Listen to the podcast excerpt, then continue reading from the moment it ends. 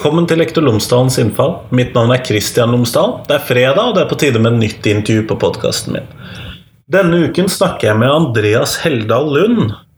Han står bak nettsiden senu.net og er med på operasjon Clambake, som det heter. Jeg skal med andre ord, for de av dere som kjente igjen disse stikkordene, eller kanskje navnet til Andreas, så skjønte dere at, uh, hva som nå var tema. Temaet denne gangen er Scientologikirken. Og hva vet vi om dem? Er det en religion? Hva er det for noe? Alt dette skal jeg prate med Andreas om nå.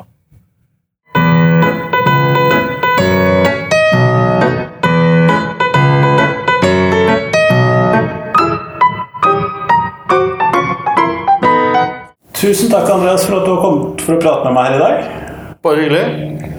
Før vi starter, kunne du ha fortalt lytterne mine tre ting om deg selv, i tilfelle de ikke kjenner deg fra før av. Jeg er eh, bosatt i eh, Rogaland, som man ikke kan høre på dialekten. Jeg er egentlig Oslo-gutt, eh, men har bodd her i mesteparten av livet mitt, i over 30 år. Og jobber i privat næringsliv innen informasjonsforvaltning. Og er veldig aktiv i Forbund.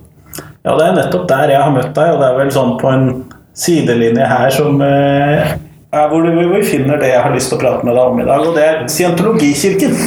Ja. Eh, kan vi først starte? Hva er Scientologikirken? Scientologikirken var opprinnelig en selvhjelpsbok, utgangspunkt i en selvhjelpsbok skrevet etter krig på 50-tallet av en amerikaner som het L. Ron Hubbard. Eh, som er kjent for å ha sagt med mange vitners nærvær at hvis du har lyst til å tjene en million, så skal du lage deg en religion. Og det gjorde han noen få år etter. Først så han var egentlig en science fiction eller pulp fiction-forfatter. Og så skrev han en selvhjelpsbok som het eh, Veldig lang historie, det skjedde veldig mye, men eh, veldig kort fortalt. Han skrev en, en, bok som het Dianetics, The Modern Science of Mental Health, eller noe sånt noe. Og den ble i etterkrigstidens USA en, en hit. Det handlet om at uh, gjennom å bruke de teorien han hadde, de metodene han hadde i den boken, så kunne man rense hjernen sin og bli et smartere, bedre, flinkere, rikere, friskere menneske. Så et sånn, sånn kvasi-psykologi-opplegg. Øh, Solgte masse bøker, tjente brått masse penger. Han var ikke så flink til å styre de pengene, så han Trengte mer penger. Han endte opp med litt problemer med skattevesenet i USA og en del sånne ting, og måtte mista nesten alt sammen og rota seg bort til noen santanister. Ah, det var en veldig rar historie. Eh, og så eh, For å finne tilbake dianetikken sin, eh, så gjorde han om til en religion. Altså han sa skal vi, fordi han, en, han kan ikke drive med dianetikken og, og, ikke betale skatt, for de skal visst ha skatt for sånne ting når man gjør sånne ting. Eh, og så skal de visst kan man hvis ikke lov til å påstå ting som man ikke kan bevise innen helse, sånn som at du skal bli frisk fra ting uten at man kan bevise det. Det er visst noen kvakksalvelover også i USA den gangen fant han plutselig ut at han var etterforsket av FBI og skattevesenet og sånne ting, så han tenkte nei, hvis han lager en religion, så slipper han alt det. Da kan du påstå hva du vil. Da kan du påstå hva du vil, og du slipper å betale skatt. Og du blir ikke tenkt revisorer og, og, sånne ting. Så det gjorde han, så da startet han scientologien. Og bygde videre på dianetikken.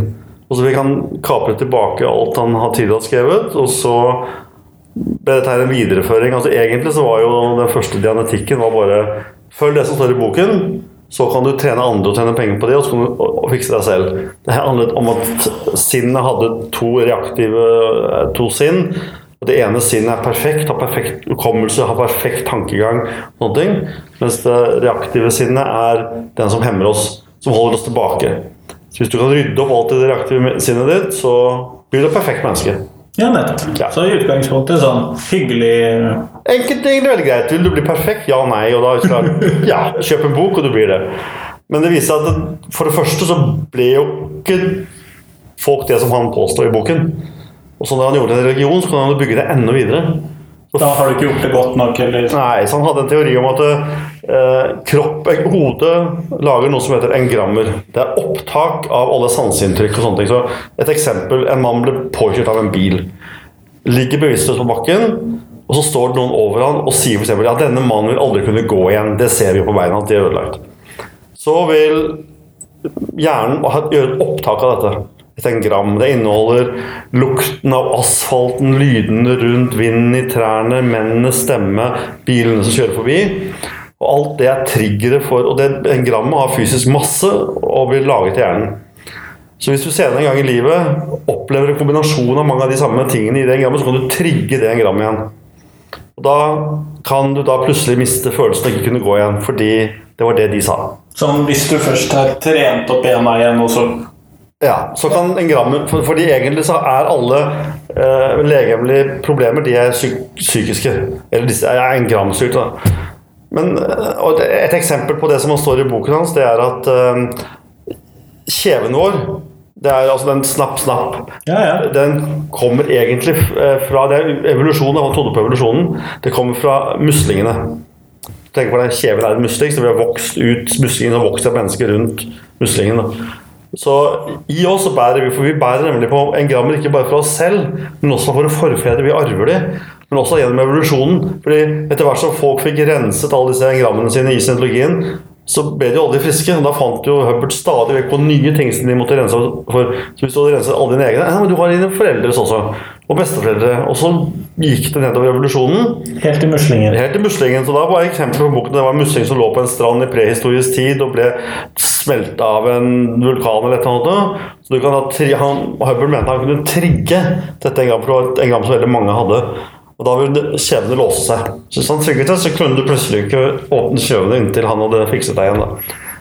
Eh, Men så begynte folk å slippe opp for det også, for å finne en grammer for tidligere liv. Så da fant han ut at vi også har en Grammer fra romvesener som kom til jorden for 75 millioner år siden.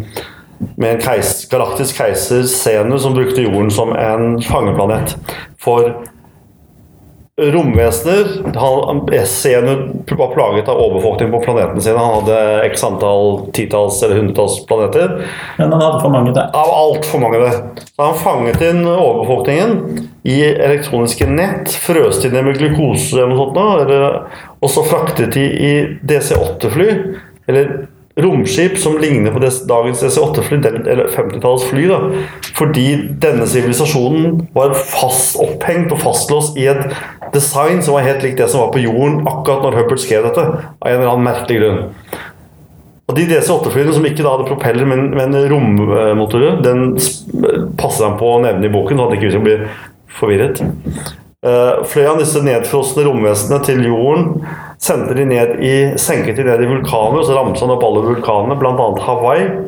Det som var Problemet med Hubbard, han visste ikke, og det fant seg at for 75 millioner år siden så eksisterte ikke Hawaii.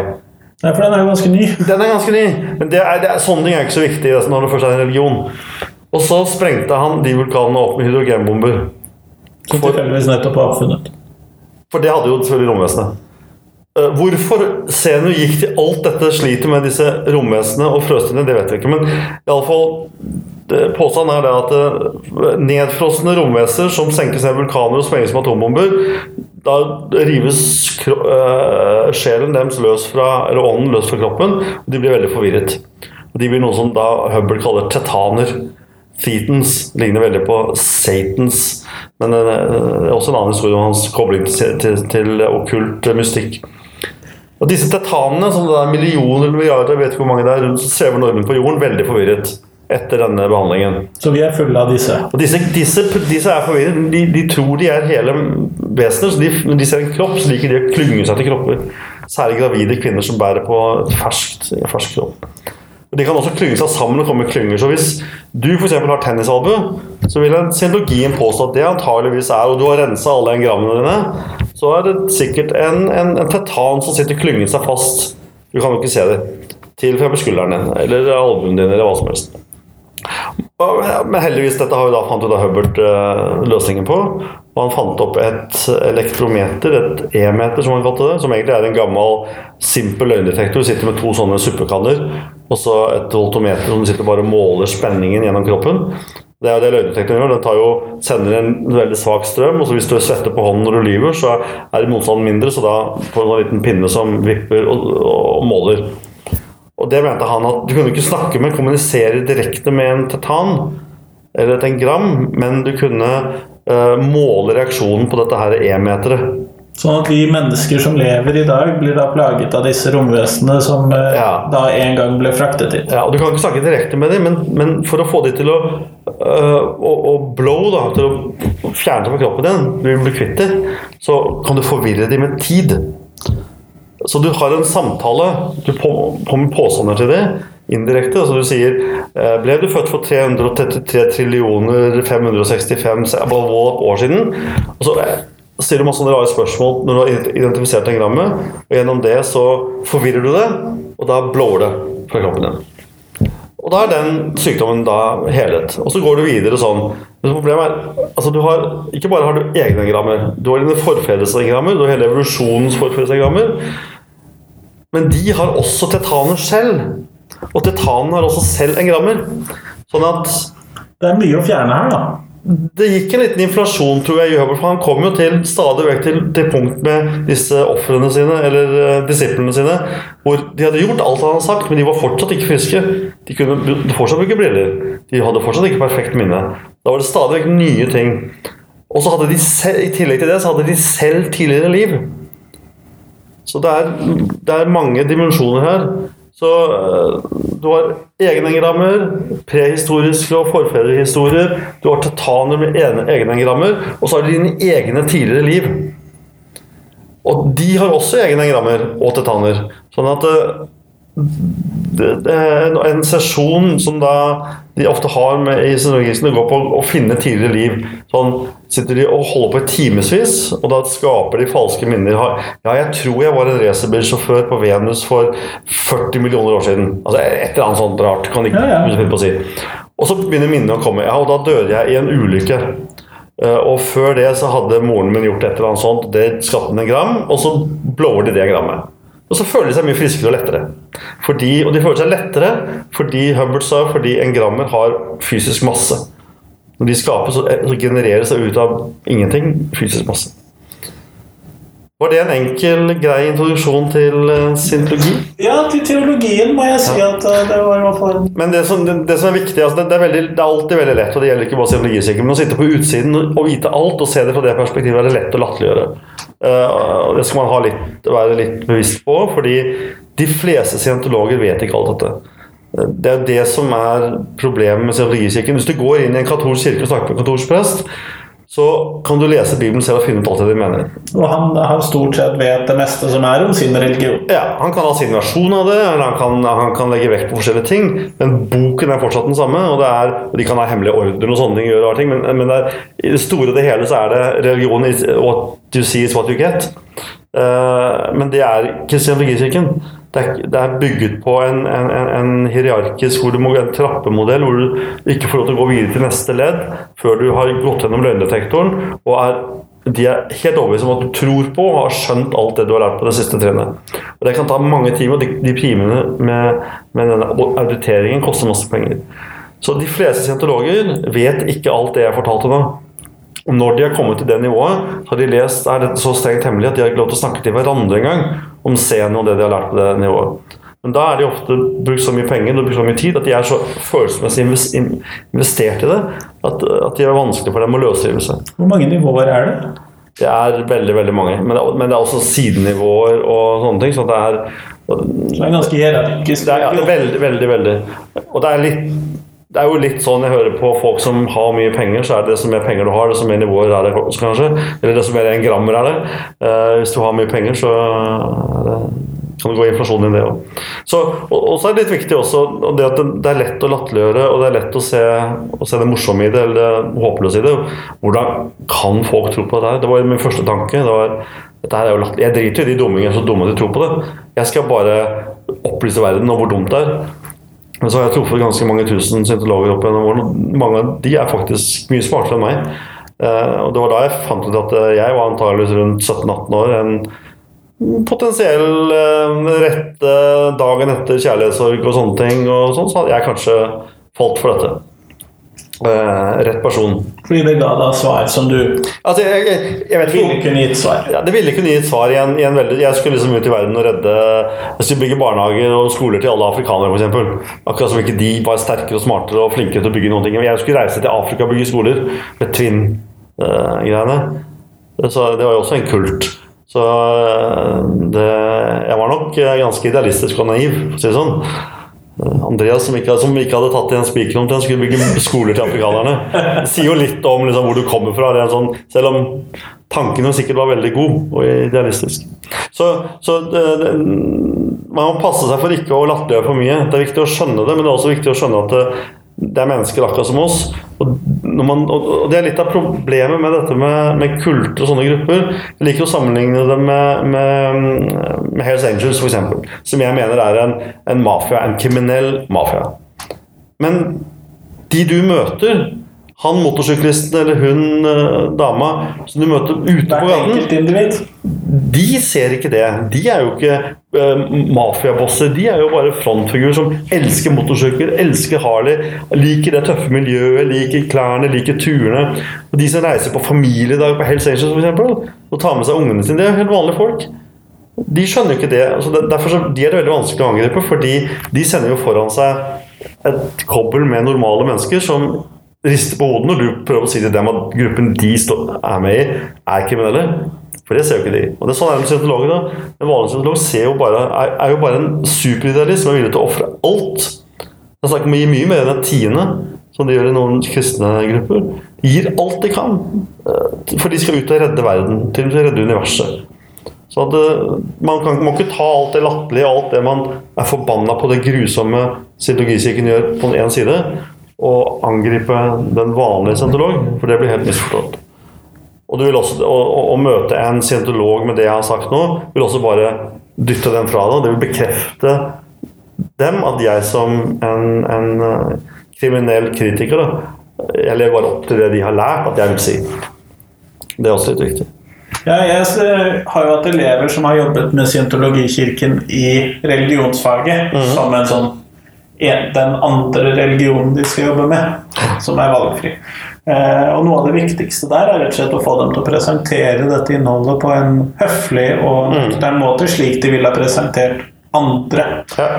Men det kan jo være mye fordi at dette er så ukjent eller uvant. Det er, det, er jo, det er mye morsommere å lese min webside hvor det står alt det rare, enn å lese en glossy eh, site med sky, bilder av skyer og lykkelige mennesker som hopper og spretter rundt og har det fint. Det er klart det er, eh, Som åpenbart er et, er et sånn salgsspråk som ser veldig Profesjonelt ut. Prof, veldig profesjonelt, men også veldig lyserose. Altså, alt er bare fint og, og flott.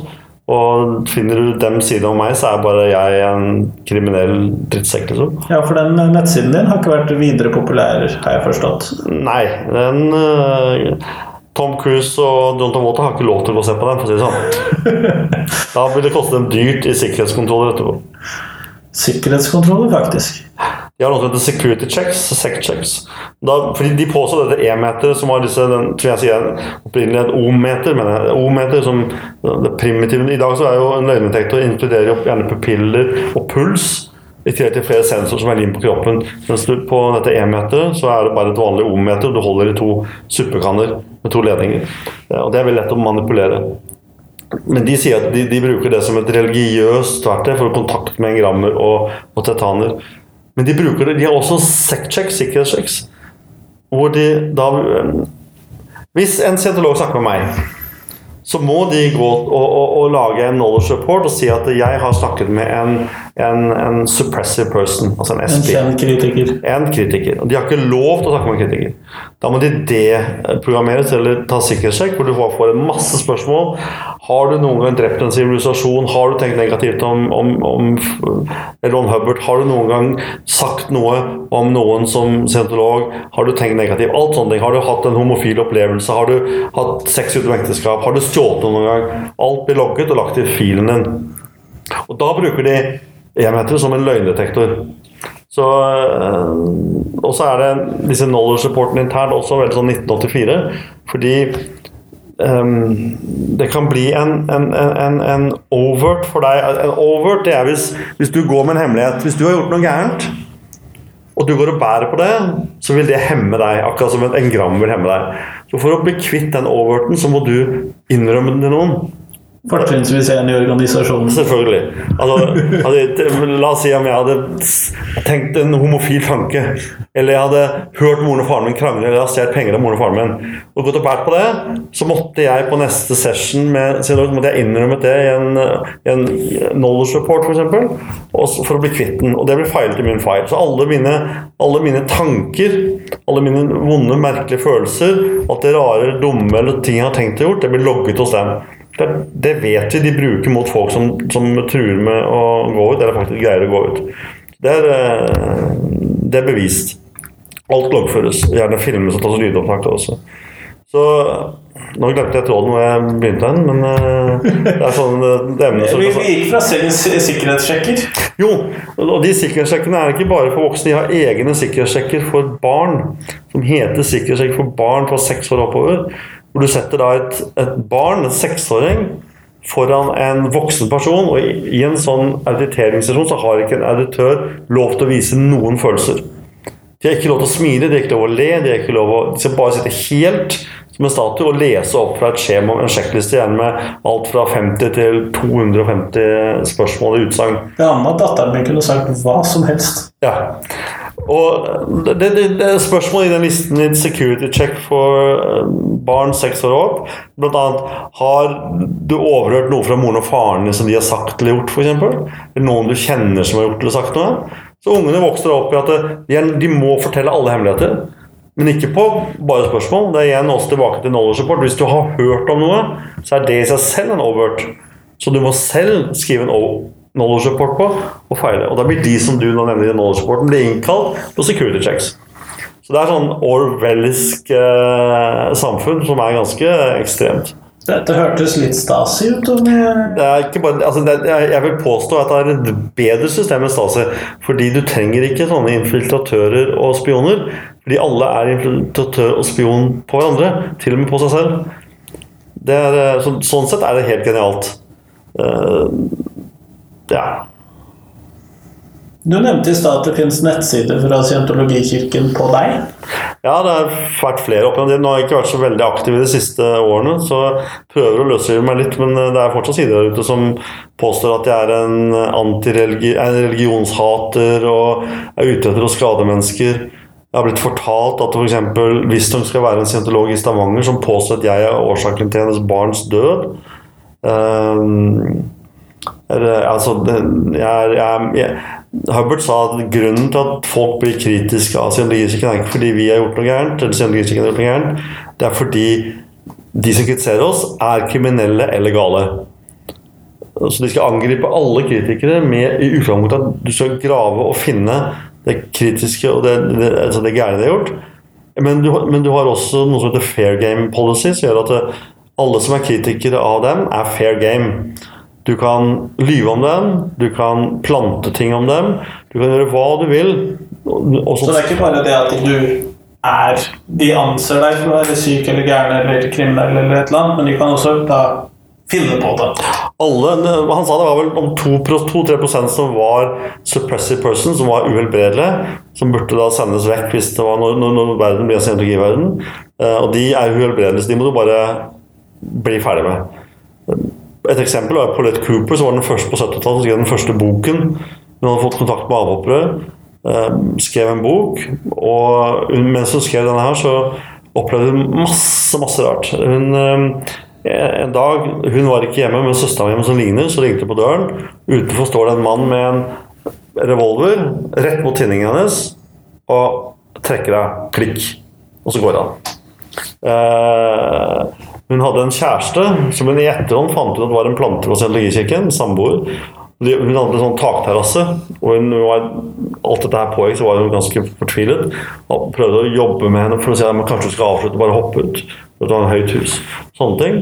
Uh, plutselig så ble hun uh, arrestert av FBI. Uh, federal politi Det er ganske alvorlig i USA. Det er liksom ikke lokalpoliti. Men det er, det er ikke noen sånne småsaker? Nei, det er, det er ganske alvorlig når du blir arrestert av dem så dukker det opp eh, et trusselbrev fra henne til Henrik Kissinger. Bombetrusler. Skrevet på hennes skrivemaskin. Beviselig skrevet på hennes skrivemaskin. Det er åpenbart av denne som fant ut senere, var en, en, en kjæreste. Um, hun, Det kommer vitner og sier de har sett henne gå rundt på, i hennes klær og skrike ting om Kissinger og bombetrusler og masse rare ting. Hun hadde, skjønte ingenting og hadde ikke noe motbevis. Ingenting motbevis der, men hadde masse bevis imot henne. FBI syns hele historien var ganske merkelig. Alt var ganske rart. Rart nok til at de tilbød å ta et uh, sannhetsserum. Dette høres ut som en dårlig film. Ja, det gjør egentlig det. Ja, men det er liksom, det er dokumentert og bevist. Dette her, at, ja. Hun godtar å ta sannhetsserum. Hun vet ikke hva hun sa uh, når dette her skjedde, men etterpå så ble saken henlagt. Det som er spennende med den saken, er sånn, det er fordi eh, på 70-tallet så ble eh, Silveriesiken raidet av FBI. Eh, og da Fordi de hadde hørt historier om at de drev med spionasje i USA. Da fant de først papirer som het Operation Snow White, som gikk på at Scientologer skulle infiltrere alle offentlige kontorer i USA og vaske vekk alle ting som var negativt om scientologikirken. Si de hadde folk som jobbet på FBI-kontorer, de brøt seg inn hos advokatbyråer. gikk igjen, og da var jo alt det var ingenting elektronisk, det var, alt var i papirarkiver og, og journaler. Og fjerne ting som handlet om scientologikirken, som var negativt står det detaljert Massivt arbeidsoppgave. Det det er, Scientologikirken ble dømt for det største interne eh, spionasjesaken i USA. De ble dømt i USA. Kona til Ellen Hubbard ble dømt for dette her. Så det er, det er ikke noe tvil om at dette skjedde. Men det andre de fant, det var eh, Operation Snow White. Nei, Operation Freakout. eh, som har omhandlet Paulette Cooper. Og Der står alle de tingene de gjorde. De fikk en dame til å kle seg ut som henne og gå ut i nabolaget og skrike gærne ting. Alt dette står og Målet var enten å få Paulette Cooper incarcinated, altså fengslet, eller innlagt på, på galehus. Ja. Så alt var arrangert av dem. Men hadde ikke dette her blitt raida, så hadde han aldri fått visst om dette. Og i dag har selvfølgelig Scientologikirken kryptering, og alt skjer på digital, så raider de dem i dag, så finner vi ikke de samme tingene. Men vi vet, vi vil jo, eller vi vil jo påstå at vi vet at de driver med minst like ille ting i dag. Men uh, vi, uh, hvor store er Scientologikirken? De Sist gang de turte å si tall, så har de sagt alt fra 8 til 12 millioner mennesker på verdensbasis. Det har aldri vært sant. Vi kjenner folk som har jobbet i medlemsregisteret, i, i, i, i, finans på toppnivå og sånne ting, så vi, vi, vet at det ikke er sant. Men, men de, har, de, har, mye penger. Jeg vil tippe at det er mellom 50 og 150 000 aktive på verdensbasis. Det er mitt beste, beste gjett. Men det er, det er, veldig vanskelig å si hva er en scientolog. Fordi når, når lederen og presidenten ble konfrontert med de åtte millionene han sa det på TV, så sa han at det er alle som har kjøpt en bok eller tatt et kurs. Det kan jo være ganske mange. Det kan være ganske mange. Da kan de påstå at de har solgt 8 millioner bøker, og da har de 8 millioner medlemmer. Men de er ikke en vanlig medlemsorganisasjon. De er heller ikke en vanlig religion. fordi uh, de, mener, de mener at det er en eh, religious applied technology. At det er en religiøs teknologi. Så når du er på bunnivået, så sier de du kan godt, Jeg er katolikk, sier de f.eks. Jeg er humanist. Ja, Det gjør ikke noe. Fordi dette er bare en, en, teknologi, en religiøs teknologi du, du, applikkerer på, eller bruker. Det er metodikk. Så du trenger ikke da for, eh, forlate din egen Nei, religion? Du kan være det, men fortsatt bruke teknologien og være scientolog. De har f.eks. søkt i Norge om å få statssirkus som religion, men uten at folk må melde seg ut av sin andre religion. Det har de selvfølgelig fått avslag på. De ønsker heller ikke å, å, å oppgi til Norge, sin, og jo, da vil de ikke trenge å oppgi sine medlemmer. Men det vil de jo ikke, for da vil vi se at hvor få de egentlig er. Uh, så um, Ja, det var vel uh, svar på det. ja, er de aktive i Norge? De, var, de hadde jo mange år uh, kontor på, i Karl Johan. Så har de flytta ut. Den gangen så sa Mathias Fosse, som var pressetalsmann, og etterretningssjefen deres i Norge, at de var 30 eh, aktive sammen på radioen en gang. Det er de langt ifra nå. Men, det hørtes ut som et veldig ærlig tall, da. Ja, altså, men eh, når han sier det på radioen, så vil jeg anta at han overdriver allerede da. Så lite tall. Eh, og jeg kjenner jo folk som har hoppet av, som har vært av de høyeste. Altså, den, den, den som har nådd lengst i Norge, eller Norden vel, eh, Mathias, øh, han er jo hoppet av, og han jo, kjenner jo at det er, det er jo langt ifra så mange i det hele tatt som er uh, Geir Risene som er inne. Så, men, men, de har ikke et vanlig medlemstall. Altså, eh, folk har en tendens til å skli inn og ut. eh, og tar kanskje et kurs. Det første kurset er gjerne kommunikasjonskurset. Du møter dem på gaten og får tilbudt en gratis stresstest eller, eller en personlighetstest. Og så er, er, den rigget på en sånn måte.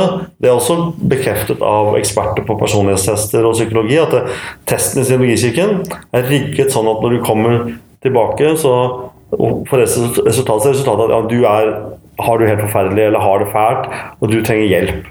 Men heldigvis har jo vi hjelpen til deg. Begynn med et kommunikasjonskurs til et par, kurs et par hundre kroner, f.eks. Så begynner vi der. Og så, det de er flinke til, Treffer du en god selger, en bodyrouter, så er han eller hun flink til å, til å dytte deg og nudge deg fram til å ta et kurs til. et kurs til. De er flinke til å mase, de er flinke til å jobbe, spille på følelser, spille på dårlig samvittighet. Spille på det gode i deg. Du vil jo forbedre deg selv. Du vil jo bli eh, Så bra menneske du kan bli. Ja, ja. Du har jo ikke noe å tape. Det er jo bare til å begynne med 100 kroner og sånne ting. Og så begynner de å kartlegge eh, om du har potensiell arv Eier du leiligheten din, eller er det bare mye gjeld? Kan du få tatt to, kjøp, lag, to uh, kredittkort, f.eks.? Altså, uh, Magne Berge, som jeg var, han som jeg leste, som var den første grunnen jeg ble engasjert i dette For jeg har aldri vært setolog selv. Uh, han saksøkte dem. Uh, lærer endte opp med å si opp jobben sin og flytte inn og bli 24 timers scientolog og hjelpe dem. Han ble tatt med, De ble tatt med i grupper til bankene mens bodyruterne sto utenfor og inn i banken. og Så kausjonerte de for hverandre og signerte for hverandre for lån. Kom ut, så tok de pengene, for da forskuddskjøpte de eh, kurs for å bli bedre scientologer. Han endte jo opp med han mista familien sin, han mista jobben sin, han fikk masse gjeld. Saksøkte dem og fikk tilbake 600 000-700 000 kroner. Det var det første jeg leste, var en liten artikkel i VG eller Dagbladet. Mann saksøker kirke og får 600 700 000 igjen. Det er jo helt merkelig, fordi i Norge får du ikke sånn punitive damage som får i USA. Du kan ikke saksøke meg fordi du skadet uh, Nei, Det er ganske vanskelig å få ut sånne beløp. Ja, du må, du må, altså hvis jeg drar til deg, og du ikke har en, en, en tannlegeregning å vise, så er det vanskelig for deg å få erstatning fra meg. Jeg kan betale en bot, men du kan bare få fra, fra det der uh, voldsoffererstatningen. Så for meg var det forunderlig. Da begynte jeg å lese om det, og da fant jeg snakket med Magne. Han hadde jo betalt de neste millionen. Han hadde, han hadde, han hadde kvittering på dette. Han kunne bevise at de hadde dratt han med og manipulert han til f.eks. å ta disse her eh, renselsesgreiene hvor du blir satt i badstue i mange timer. Du skal rense kroppen din for gifter. Spise masse overdose med vitaminer og niacin. Og jogger og spiser bare ris og sitter timevis i badstue. Du sitter på i kurs, sånne der timelange kurs hvor du skal snakke til Askebekk. Du vil ikke tro det. Altså, det er sånne, det er sånne der, uh, hypnose Herbert var en hypnotisør. Hypnos, kunne hypnose. Så du blir manipulert psykisk og fysisk, og så blir du tatt i banken for å signere eh, gjeldsbrev for andre for å kjøpe flere kurs. Og så lever du blant dem og lærer deres språk, og det er veldig spesielt. Og Dette kunne han bevise og hadde vitne på, så han fikk jo pengene tilbake, og de tapte. De ble dømt etter kvakksalverloven i Norge. Bakpå det der E-meteret så er det en, en, Det ble forbudt å selge i Norge som, som et uh, helbredende. Så hvis du snur det og har et hjemme, så er det en liten klistrelapp. Dette er en, en sort E-meter, sort plast. Så er det et klisterlapp, gjennomsnittlig klisterlapp med sort skrift. Og der står det Hvis du tar det mot lyset og du ser skyggen, fordi de blir dømt til å ha dette klistrelappet på. Dette instrumentet kan ikke bruke, har ingen eh, medisinsk effekt, kan kun brukes i religiøse ritualer. Eh, og dette er bl.a. pga. disse rettssakene. De er dømt for dette, men de sier jo de er en religion. ikke sant? De opererer som et selvhjelpskursgruppe. Disse bodyruterne får jo 10-20% av alle pengene de får inn. Har jeg prøvd å skrive brev til skattevesenet? Har de tatt en revisjon på det? Blir det skatteført. Tviler på at scientolog noen gang har tatt 10% av de pengene eller 20% og meldt dette på skatteinntekten. Men Scientologikirken har vært så flinke til å skremme at det er mer hassel og bryderi med å prøve å ta dem, så lenge de er relativt små. Det er relativt få ofre. Frem til da de blir store nok, med andre ord. Ja, må, sånn at det skjer Nei, må, altså målet deres er jo å, bli, å lage en uh, scientologiverden. De skal lage et scientologiland. når, når Hubbard uh, sloss mot skattevesenet og så det at han var ettersøkt av FBI, og sånne ting, så gikk han under jorden. Så kjøpte han seg et lite cruiseskip, og så reiste han ut i internasjonalt farvann og levde i mange år. Han, han, turte ikke å gå i land igjen. for Han reiste til, for til Kypros og sånne ting, og prøvde å, i noen rare regimer for å prøve å, så man kunne lage en, en, en landbase, en psykologibase. Og snakket med ledere og militære og sånne ting for å se om man kunne få til, men det gikk falt til fisk. Brukte mye narkotika og drakk mye, og skrev noe rare. Skrev om scenen bl.a. på Ibiza, tror jeg, når han var ganske på popped uh, pink and yellow, og sånt, som han skrev. Um, så han, han, levde da lenge i internasjonalt farvann og skapte det han kalte Sea Organization, Sea Org, som er den militære eliteavdelingen av Scientologikirken. Det er, de, de er badass-personene. Scientologene de er liksom stort sett snille mennesker, og er som, som det er meg. Men, men Sea Org de er badass. Det er, eh, de går i eh, marineuniformer som har, de har laget selv. Og, og har et sånn eh, militært regime internt. da og veldig, veldig rigid, veldig, veldig ja, galskap. Men hvis man skulle ta og feste seg med et par-tre detaljer sånn for å avslutte podkasten på eh, et godt tidspunkt, så eh, hvilke to-tre ting vil du trekke fram da? Jeg vil eh, eh, gjenta det med at det, det, det er morsomt å la seg underholde. Uh, og, og, leste det som Jeg leser det som en fas, jeg var interessert av fascinasjon av menneskelig religiøsitet. Og spesielt jeg fant ut at uh, disse menneskene, mange av de er akkurat som meg. Uh, at, altså, hva, hva, kan et utdannet menneske egentlig gjøre? Jeg har truffet så mange mennesker som er eks-medlemmer og blitt kjempegode venner med dem, og, og ha den diskusjonen med dem. Hvorfor? Det er interessant. og Husk det. Andre tingen er at Hvis man møter et menneske, ikke nødvendigvis pasientolog, men i, i alle mulige religiøse, undertrykkende grupper som dette, i større eller mindre grad, så er personen et offer. Uh, og det er ingen som er et offer av en gruppe som går ut fordi de møter uh, argumentasjon og logikk, eller, eller, du trekker fra masse grusomme eksempler og andre vitner. Det biter ikke. Eh, det er en bok av Steve Hassan som eh, jeg ikke husker navnet på nå. Som er en ex-Mooney som skrev en veldig bra bok. Eh, om hvordan du skal hjelpe sånne altså Hvis du er et familiemedlem, eller en lærer, eller en nær venn Så det er ikke fordømmelse og latterliggjøring? Det er ikke greia? Det er ikke, ikke i det hele tatt. Det, det, hjelper ikke et offer for en, for en sånn, sånn, psykologisk eh, situasjon.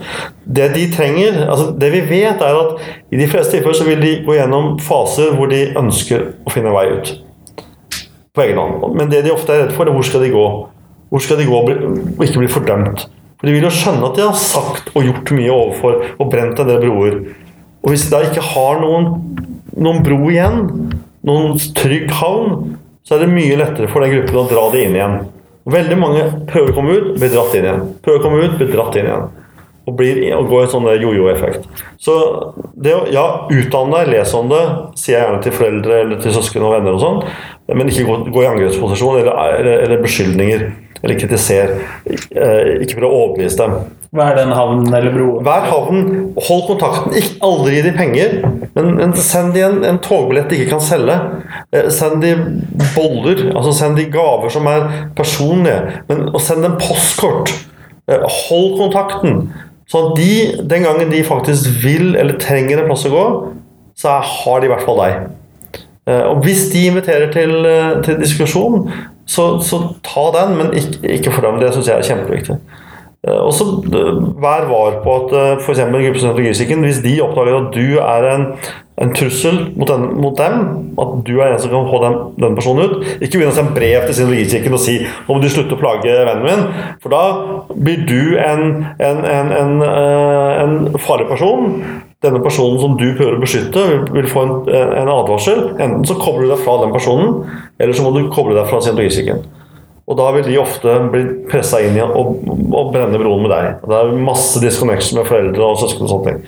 Så la de komme på, egen, på egne ben, men vær der og, og utdanne deg selv. Og les bøker om, om emnet. Tusen takk for at jeg fått lov til å prate med deg i dag. Tusen takk for at jeg fikk lov å